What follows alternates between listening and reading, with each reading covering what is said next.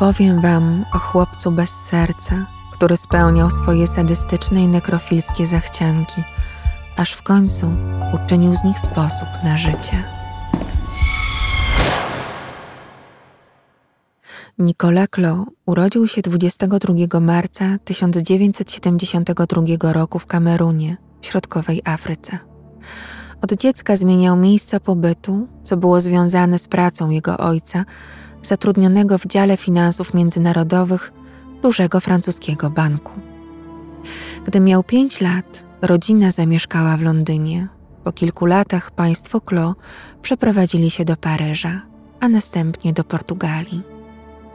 Chłopiec miał wszystko, o czym mógł tylko marzyć. Bogaci rodzice spełniali jego materialne potrzeby, choć nie obdarzali dziecka czułością i nie okazywali rodzicielskiej miłości. Ani matka, ani ojciec nie przytulali go i nie całowali, zostawiali go samego sobie przez większość czasu. Chłopiec wyrastał na zimnego i obojętnego człowieka. Nie płakał i nie potrafił się śmiać. Do tego stopnia nie okazywał uczuć, że podejrzewano u niego autyzm. Rodzice mogli kupić mu każdą zabawkę, ale nie potrafili dać mu tego, co najważniejsze w rozwoju dziecka, a brał z nich przykład. Za pierwszą jego ofiarę niektórzy, a na pewno najbliższa rodzina, uważali jego dziadka. Mężczyzna po ostrej sprzeczce z dziesięcioletnim chłopakiem dostał wylewu krwi do mózgu i zmarł. Od tamtej chwili Nikola zaczął interesować się wszystkim, co związane było ze śmiercią i życiem pozagrobowym. Fascynowały go nie tylko obrzędy pogrzebowe, ale również magia, okultyzm, wampiryzm i wilkołaki. Jego pierwszym idolem było bóstwo Pazuzu, zły demon zwierzeń asyryjskich i babilońskich. Zobaczył go po raz pierwszy jako kilkulatek w jednej z książek swoich rodziców, a później w filmie Egzorcysta.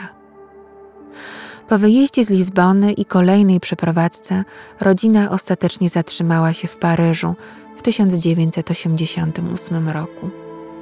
Przeprowadzki nie pomagały i tak wyalienowanemu chłopakowi w nawiązywaniu i podtrzymywaniu relacji z rówieśnikami.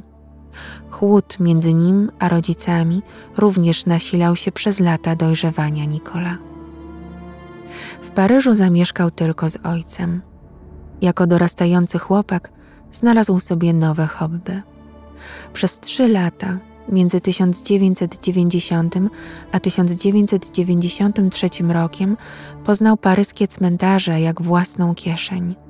Studiował topografię tych miejsc, które przyciągały go i fascynowały.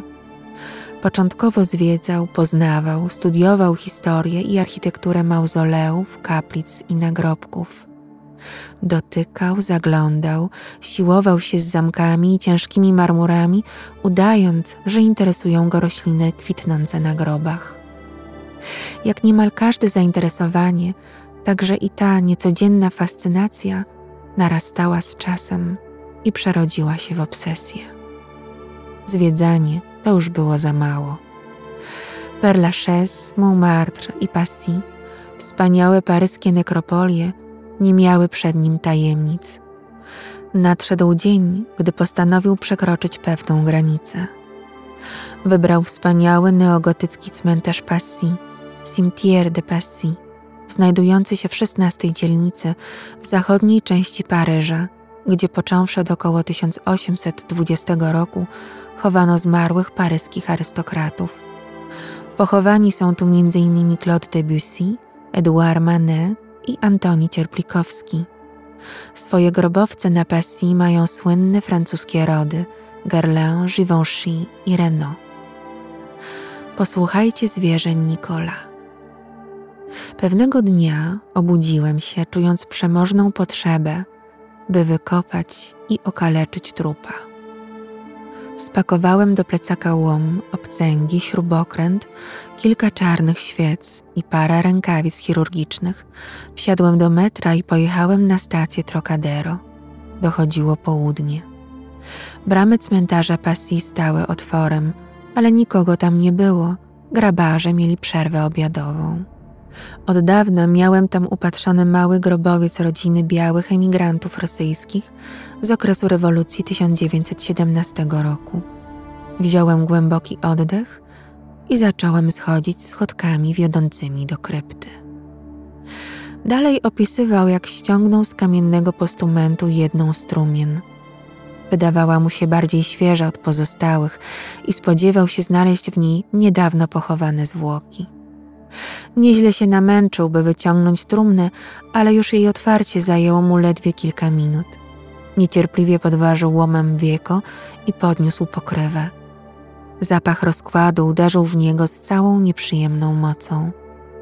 Wewnątrz spoczywały szczątki starszej kobiety, owinięte w dawniej białe, a obecnie bardzo brudny całun. Zwłoki były w większej części przegniłe. Znów oddam głos Nikola, który tak zrelacjonował ten moment. Jej twarz wydawała się pokryta warstwą oliwy, a ciało wydzielało fetor tak okropny, że prawie zemdlałem. Spróbowałem odwinąć całun, był jednak do niej przyklejony jak lep na muchy.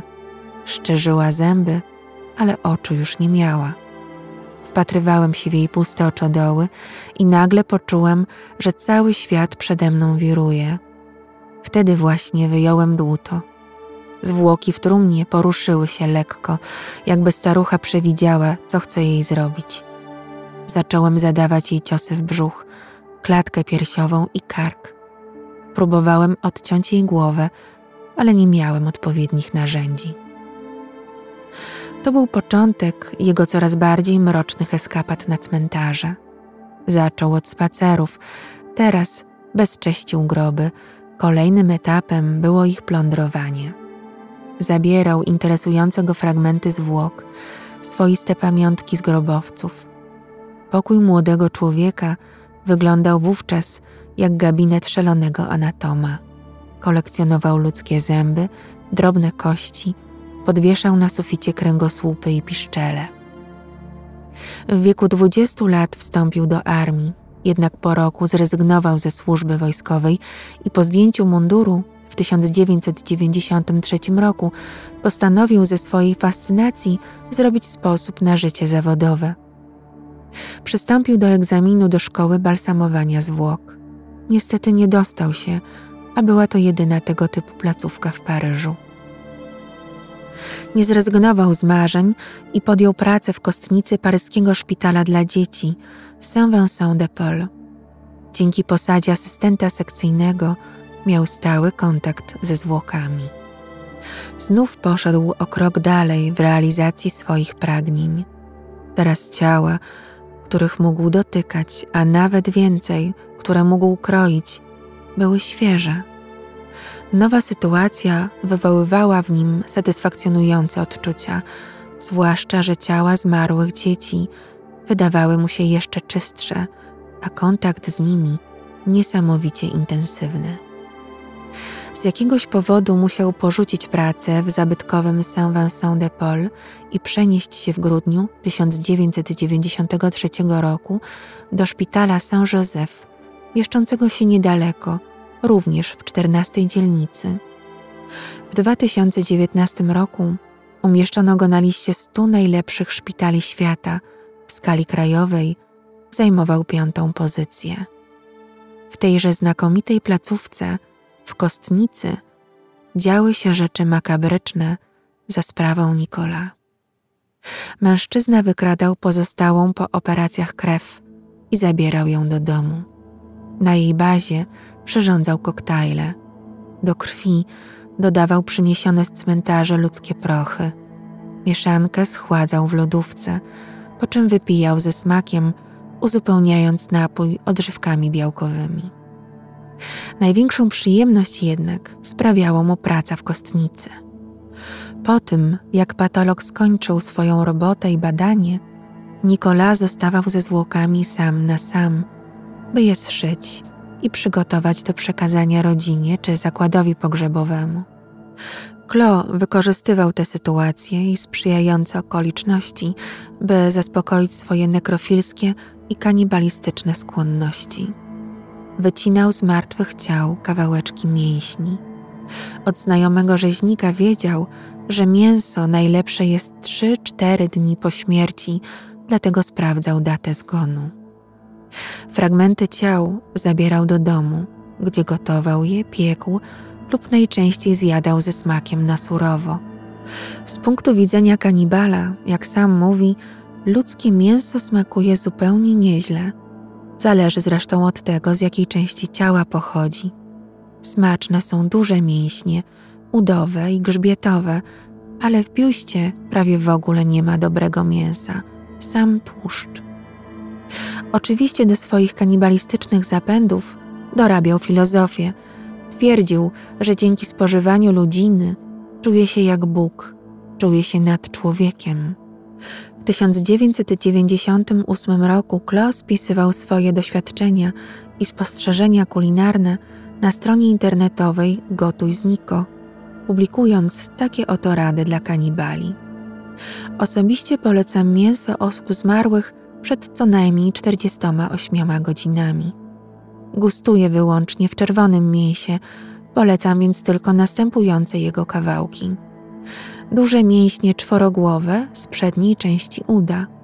Robi się z nich wyśmienite soczyste steki. No i moje ulubione łydki. Po dwa muskuły w każdej nodze. Łatwo je kroić. Po podziale mięsa na porcje powinno się je włożyć na trzy dni do lodówki – oczywiście po obraniu ze skóry, usunięciu ścięgien i nadmiaru tłuszczu. Wiem, że ze względów higienicznych mięso powinno się jeść gotowane, pieczone lub smażone. Czasami jednak brak na to cierpliwości. Odgryzasz po prostu kawał surowego mięsa i czujesz, jak soczyste proteiny spływają ci do żołądka. Inni kanibale ze wszystkich zakątków świata rozwodzą się nad metodami przyprawiania i podawania ludzkiego mięsa. Ja nie jestem aż tak wyrafinowany i nie będę nikogo przekonywał, że najlepszym do niego dodatkiem jest fasolka, a samo mięso należy doprawiać jakimś sosem. Uważam zresztą, że zbyt ostre sosy psują naturalny, słodki smak ludzkiego mięsa i krwi.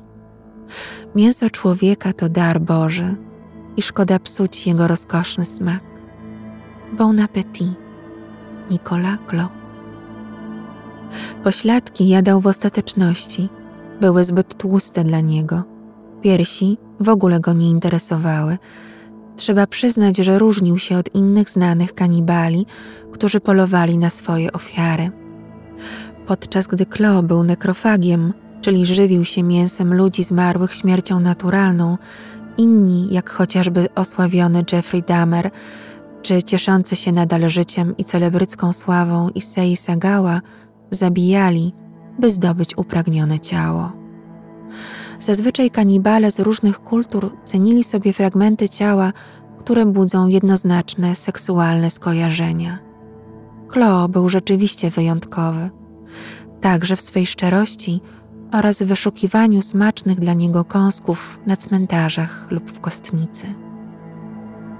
Przyszedł jednak czas, gdy Nikola poczuł, że musi sam odebrać życie człowiekowi. Bynajmniej nie chodziło o morderstwo z zamiarem zjedzenia swojej ofiary. Niczym Raskolnikow ze zbrodni i kary chciał zobaczyć, jak to jest zabić niezwiązaną z nim w jakikolwiek sposób osobę. Wczesną jesienią 1994 roku w Paryżu grasował seryjny morderca homoseksualistów. Tylko w październiku tajemniczy napastnik pozbawił życia siedmiu mężczyzn.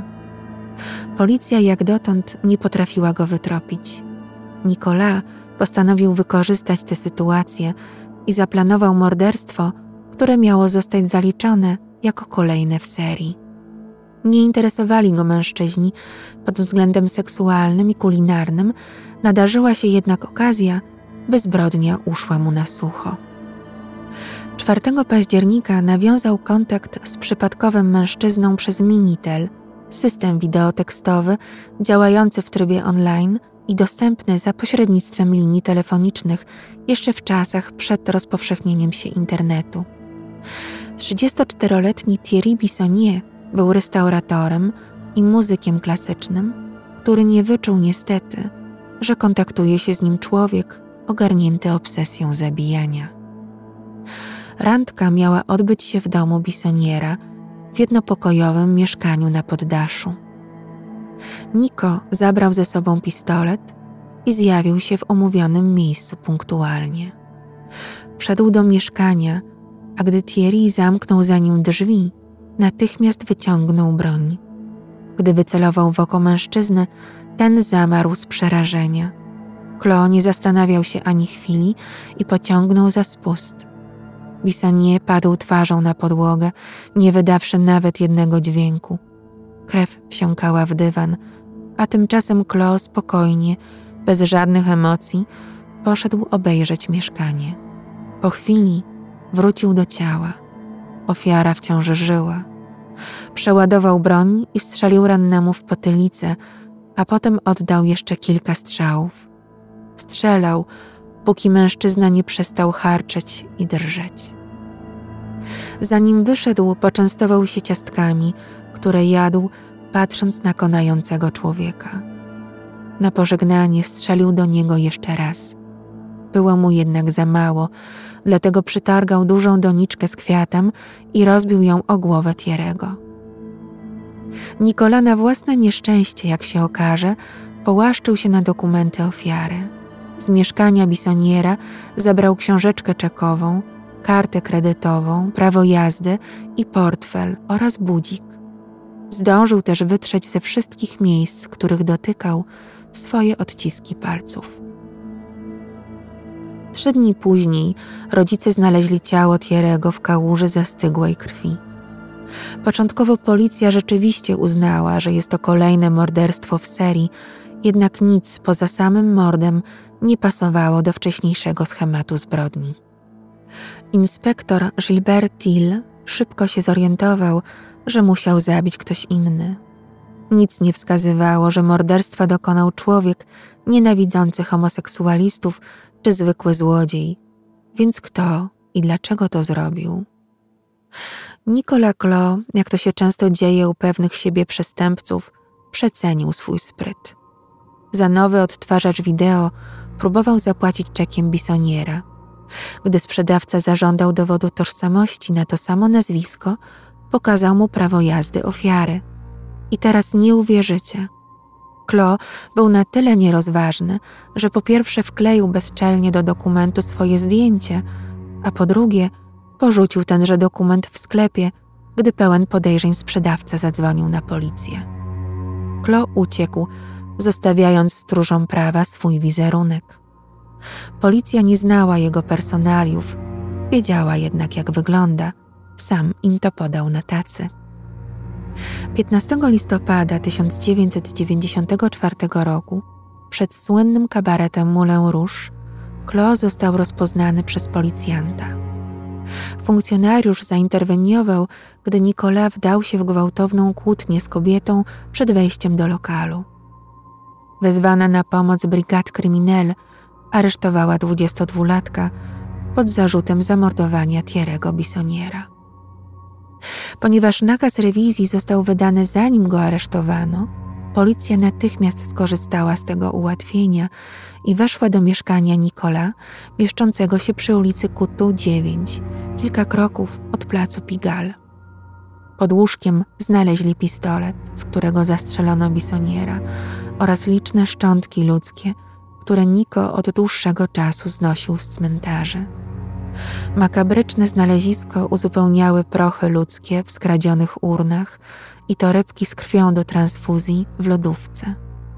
Jego kolekcja setek kaset wideo z filmami dla dorosłych rozmiłowanych w ostrym, krwawym sadomasochizmie robiła imponujące wrażenie. Wśród znalezisk był także plecak pełen kajdanek i instrumentów chirurgicznych.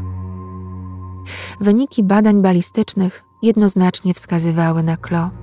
Ten jednak próbował wykpić się niepoczytalnością i wykorzystać swoje wampiryczne upodobania, których dowody policjanci znaleźli w jego mieszkaniu.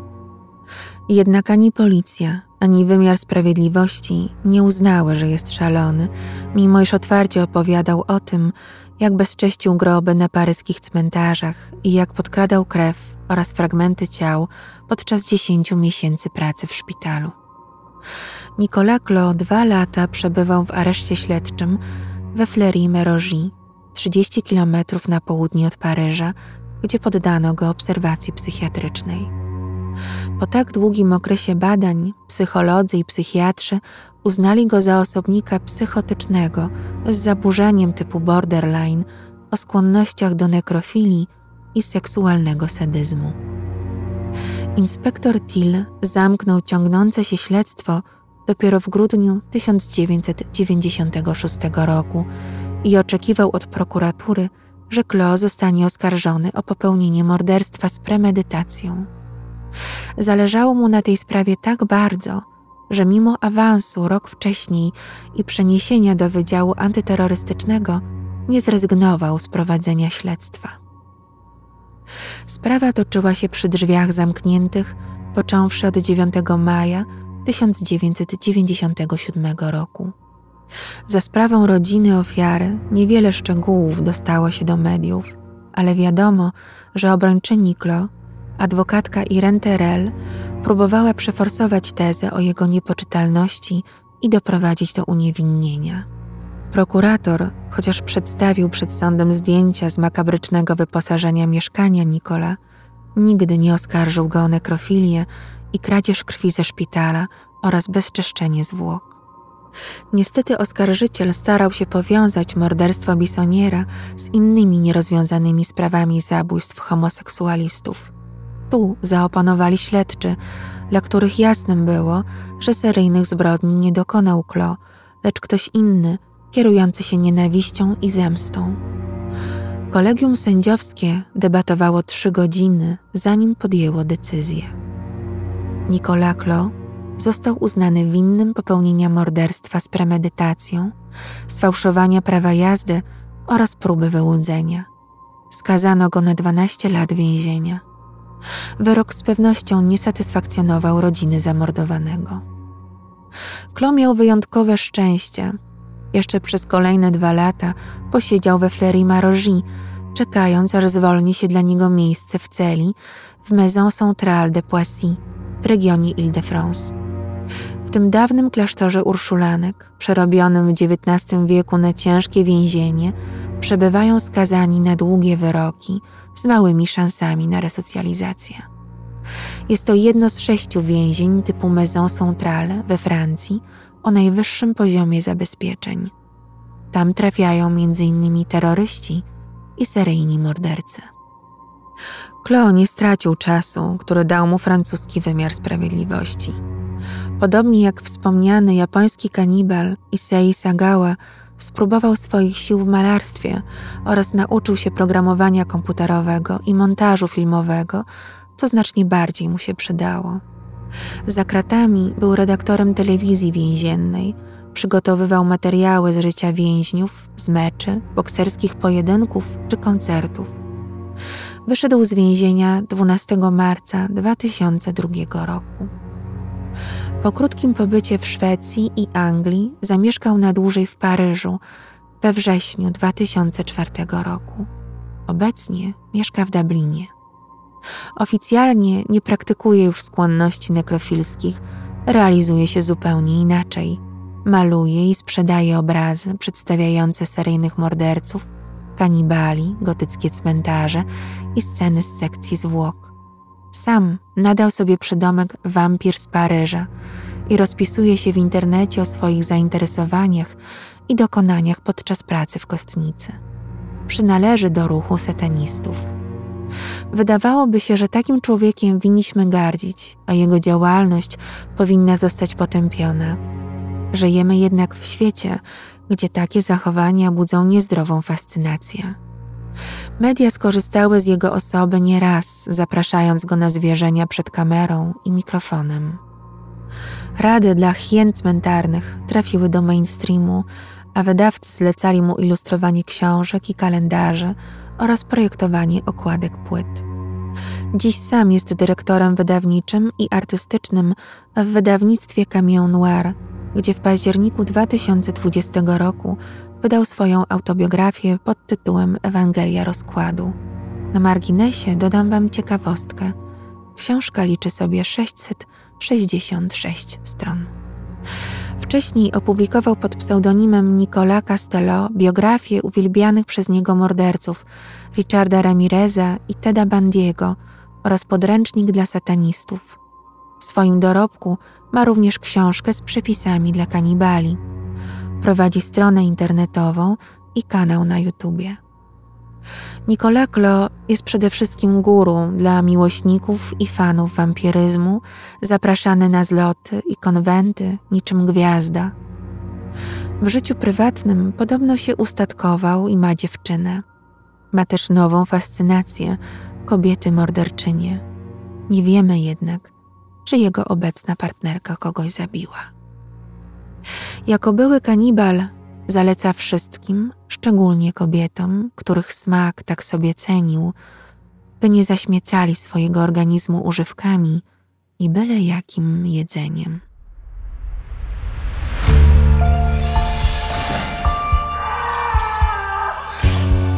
Dziękuję za Waszą uwagę i zapraszam do wysłuchania kolejnej opowieści o zbrodniach, złych ludziach i makabrze. Renata z worka kości.